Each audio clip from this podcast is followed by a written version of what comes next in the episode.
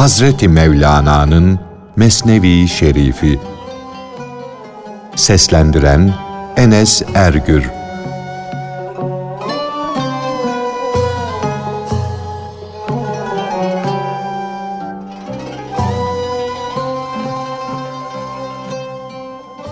İsa aleyhisselamın ahmaklardan daha kaçması.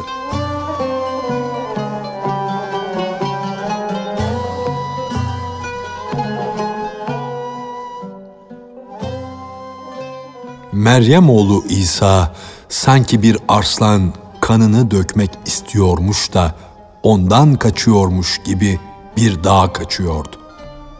Birisi de onun arkasından koşarak yetişti ve hayrola kuş gibi niçin kaçıyorsun? Arkanda kimse yok diye sordu. Hazreti İsa o kadar hızlı koşuyordu ki acelesinden adamın sorusuna cevap veremedi. Adam bir müddet onun arkasından koştu, peşini bırakmadı ve Hazreti İsa'ya kuvvetlice bağırarak dedi ki, Allah rızası için birazcık dur.'' böyle hızlı kaçışın bana dert oldu. Ey kerem sahibi, arkanda ne arslan var, ne düşman, ne de bir korku, bir ürküntü. Bu tarafa doğru kimden kaçıyorsun? Hz. İsa, yürü git, dedi. Benim ayağımı bağlama, ben bir ahmaktan kaçıyorum. Bırak da kaçıp kendimi kurtarayım.'' Soran adam dedi ki, nefesi ile körleri, sağırları iyileştiren Mesih sen değil misin? İsa, evet benim dedi. Adam, peki dedi. Gizli sırlara, efsunlara sahip o mana padişahı sen değil misin? O efsunu bir ölüye okuyunca ölü av bulmuş arslan gibi dirilir sıçrayıp kalkar. Hz. İsa, evet dedi. O söylediğin de benim. Adam çamurdan kuşlar yapıp canlandıran sen değil misin? dedi. İsa, evet dedi. Soran tekrar, ey temiz ruh dedi. Madem ki her ne ister isen yapıyorsun.'' O halde kimden korkuyorsun? Bu çeşit mucizelerin olduktan sonra dünyada kim senin kulların arasına katılmaz? Kim sana kul köle olmaz? İsa aleyhisselam dedi ki, bedeni eşsiz, örneksiz yaratan, ruhu daha önce halk eden Hakk'ın zatına yemin ederim ki, onun tertemiz zatının tertemiz sıfatlarının hürmeti için gökyüzü bile yenini yakasını yırtmış, ona kul köle olmuştur. O efsunu, o en yüce, en ulu ismi azamı sağıra, köre okudum, kulağı açıldı, gözü gördü. Kayalık bir dağa okudum, dağ çatladı, yarıldı. Hırkasını göbeğine kadar yırttı ölmüş bir adamın cesedine okudum, üfürdüm, ceset dirildi, kalktı. Hiçbir şeyi olmayana okudum, meydana geldi, bir şey oldu. Fakat ahmağın gönlüne okudum, hem de sevgi ile, şefkat ile yüz binlerce kere okudum, bir dermanı, bir faydası olmadı. O ahmak bir mermer kaya kesildi de ahmaklık tabiatından dönmedi. Çorak bir kum oldu da ondan bir ot bitmedi. Soruyu soran adam, peki dedi. İsmi azamın başka şeylere etkisi, tesiri olduğu halde ahmağa tesir etmemesinin hikmeti nedir? Onlar da hasta, bu da hasta. Onlara deva oluyor da buna neden deva olmuyor?''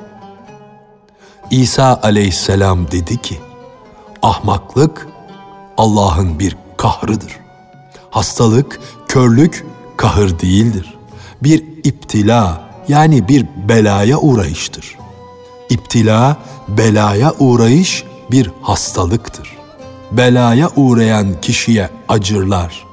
Ama ahmaklık öyle bir hastalıktır ki başkalarını yaralar, incitir. Ahmak adama vurulan dağ Allah mührüdür. O mühür üzerine hiçbir el bir çare bulamaz. Hz. İsa'nın kaçtığı gibi sen de ahmaktan kaç.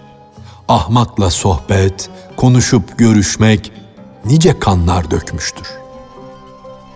Hava suyu nasıl yavaş yavaş çeker, buharlaştırırsa ahmak da onun gibi sizden bir şeyler çalar, ruhen sizi yoksul bırakır. Senin hararetini çalar, soğukluk verir. Seni mermer taşı üstüne oturmuş kişiye döndürür.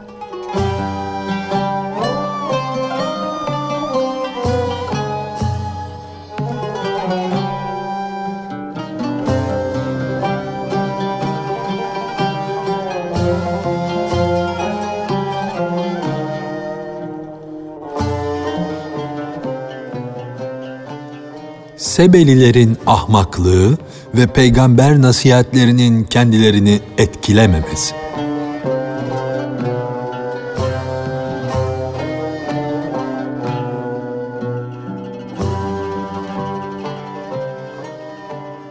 Hatırıma Sebelilerin hikayesi geldi. Ahmaklık yüzünden seher rüzgarı onlara sam yeli oldu. Sebe, çocuklardan duyduğun masallardaki gibi pek büyük bir şehirdi. Çocuklar masal söylerler, eğlenirler. Masallarda nice sırlar, nice öğütler vardır. Masallar arasında alaylar vardır. Saçma sapan sözler bulunur. Fakat sen yıkık yerlerde define aramaya bak. Sebe şehri pek büyük, pek geniş bir şehirdi. Fakat büyüklüğü bir tepesinden fazla değildi.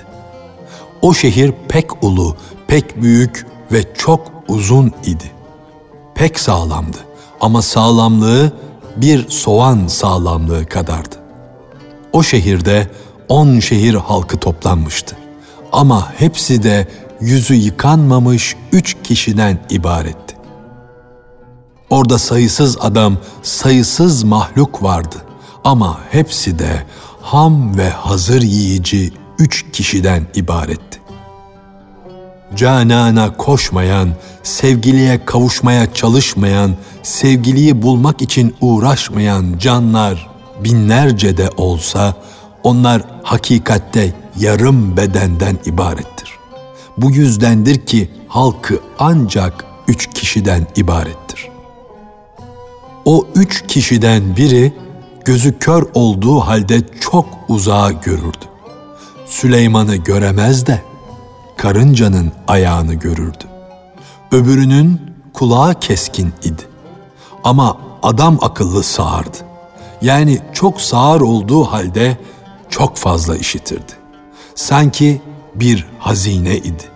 Ama içinde bir arpa ağırlığında bile altını yoktu. Üçüncüsü çıplak ve her tarafı açıktı. Fakat elbisesinin etekleri çok uzundu. Kör olan kişi işte şuracıkta atlı askerler geliyor dedi. Hangi milletten kaç kişi olduklarını görüyor. Sağır evet dedi. Ben de seslerini duyuyorum. Gizli açık ne konuşuyorlarsa hepsini işitiyorum. O çıplak paniğe kapıldı da gelirler de uzun eteğimi keserler diye korkuyorum dedi. Kör işte dedi. Yaklaştılar. Kalkın. Yaralanmadan, bağlanmadan kaçalım, kurtulalım. Sağır, evet gürültü gittikçe yaklaşıyor arkadaşlar dedi. Çıplak, eyvahlar olsun dedi. Onlar tamah ederler de eteğimi keserler. Ben onlardan emin değilim. Şehri bıraktılar, dışarı çıktılar. Bozgun halde korku ile bir köye sığındılar. Acıkmışlardı. O köyde semiz bir kuş buldular. Fakat zerre kadar eti yoktu. O kadar zayıf idi. O kuş ölmüş, kurumuş, kargaların gagalamasından kemikleri bile incelmiş, iplik gibi olmuştu. Arslanlar avını nasıl yerlerse onlar da o kuşu öyle yediler. Öyle semirdiler ki her biri karnı tok bir fil gibi oldu. O kuşu yiyince her üçü de pek büyük üç fil oldu. O üç genç üçü de öyle şişmanladılar ki şişmanlığı, iriliği yüzünden her biri dünyaya sığmıyordu. O kadar şişmanlıkları ve iri endamları ile beraber süzüldüler, kapının çatlağından geçtiler. İnsanların ölüm yolu da gizli, görünmez bir yoldur. Göze görünmez çünkü mahalsiz, mekansız, yeri olmayan bir yoldur. İşte bak şuracıkta birbiri ardınca kervanlar o gizli kapının çatlağından geçtiler. Sen o çatlağı kapıda ararsan bulamazsın. Pek gizlidir. Ama bunca insanı gelin evine güveyi götürür gibi o çatlaktan geçirip götürürler.''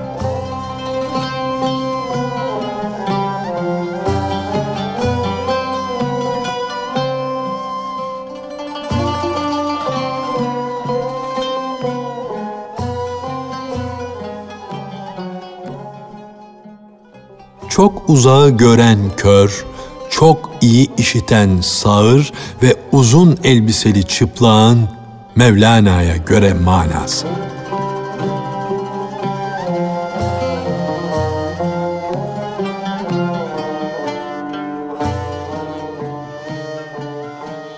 Yukarıda bahsedilen sağır hayattan çok şeyler uman, çok şeyler isteyen, bir türlü gözü doymayan insanı göstermektedir. O, başkalarının ölümünü duyar da kendi öleceğini hiç aklına getirmez. Uzağı gören kör de hırsı temsil etmektedir. O, halkın aybını kıldan kıla görür, mahalle mahalle dolaşır, onları söyler. Onun kör gözü başkalarının ayıbını, kusurunu aradığı halde kendi ayıbının bir zerresini bile görmez. Çıplak eteğini kesecekler diye korkar durur. Halbuki çıplak bir adamın eteğini nasıl keserler? Çıplak bir adamın eteği olur mu? O çıplak dünyaya tapan bir müflistir. Soyulacağını düşünerek korkular içinde yaşar. Halbuki çıplak olduğu için hırsızların soymasından korkmaması gerek. O dünyaya çıplak geldi, çıplak gidecektir. Öyleyken hırsız korkusu ile yüreği kan ağlar.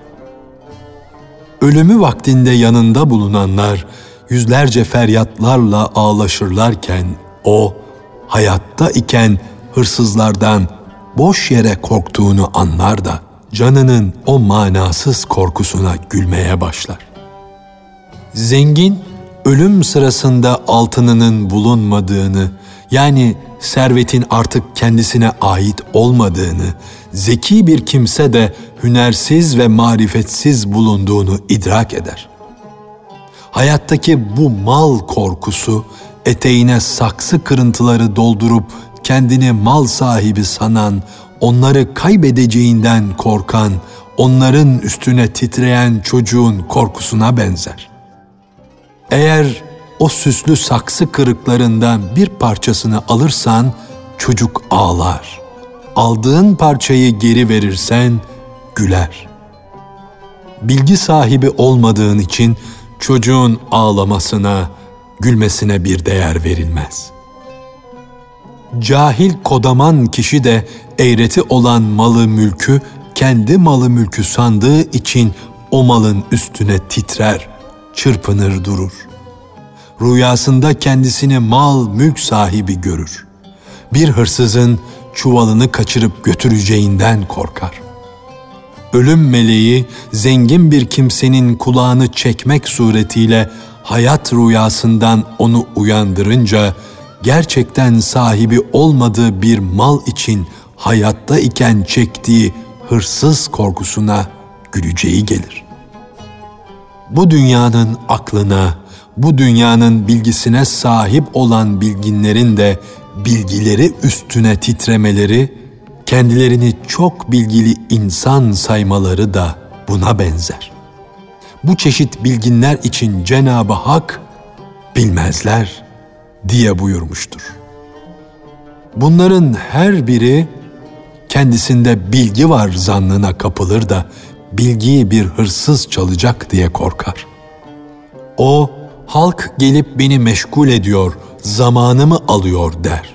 Halbuki onun faydalı bir zamanı yoktur. Halk beni işten alıkoyuyor der. Halbuki kendisi boğazına kadar işsizliğe, tembelliğe gömülmüştür. İşte böyle bir bilgin uzun etekli çıplığa benzer. O eteğimi halkın elinden nasıl kurtarayım diye korku içindedir. O zalim bilgin bilgilerden yüz binlerce üstünlük elde etmiş, bir hayli bilgi sahibi olmuş da kendi ruhunun, kendinde bulunanın hakikatini bilmiyor. O her cevherin hassasını bilir de kendi cevherini bilip bildirmede sanki bir eşektir. Sebelilerin asılları yani ilahi ilimdeki ayanı sabiteleri kötü olduğu için dünyada Allah'ı bulma, Allah'a kavuşma sebepleri olan kulluk vazifelerini, insanlık vazifelerini yapmaktan ürkerlerdi, kaçarlardı. Mutlu yaşamaları için Cenab-ı Hak onlara bunca mal, mülk, bağ, bahçe vermişti. Sağdan soldan lütfedilen bunca nimet onların huzurla yaşamaları içindi. Meyveler çokluğundan yerlere dökülür, yolun geçitlerini daraltırdı. Dökülüp saçılan meyveler yolu kaplar, yolcu nereden geçeyim diye şaşırır kalırdı. Birisi başına bir sepet alsa da ağaçların altından geçse, meyveler silkmeden sepeti doldururdu. O meyveleri bir insan değil, rüzgar silkerdi. Pek çok kişinin etekleri meyvelerle dolardı meyve hevenkleri, salkımları dallarından yerlere kadar sarkar, gelenin geçenin başına ve yüzüne değerdi. Altının çokluğundan külhancı bile beline altın kemer kuşanırdı. Köpekler tok olduklarından ekmeği yemezler, çekinirlerdi. Ovadaki kurtlar bile yiyecek bolluğundan mide fesadına uğramışlardı şehirde, köyde hırsızdan ve kurt ürküntüsünden emin olmuştu. Gece kocaman kurttan korkmaz olmuştu.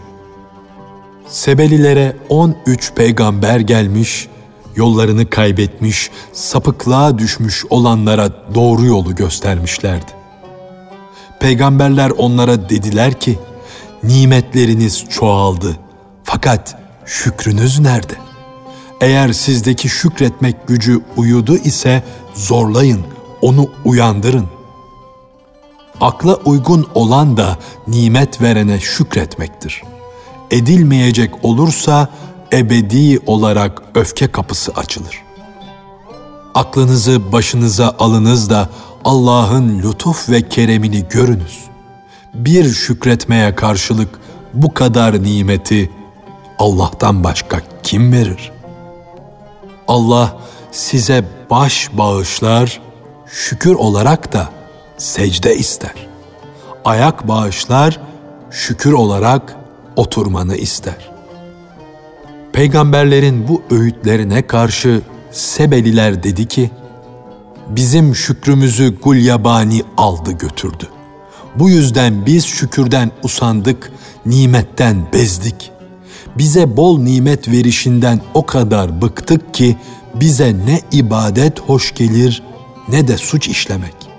Nimetleri de istemiyoruz, bağ bahçeyi de.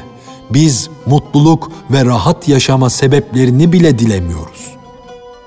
Peygamberler Sebelilere demişlerdi ki, biz Allah'ın manevi hekimleri ve şakirtleriyiz Şap denizi bizi görünce yarıldı, yol oldu.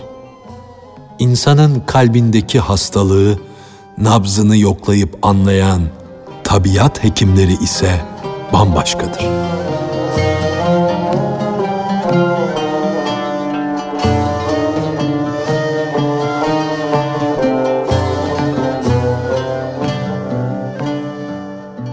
Hazreti Mevlana'nın Mesnevi Şerifi.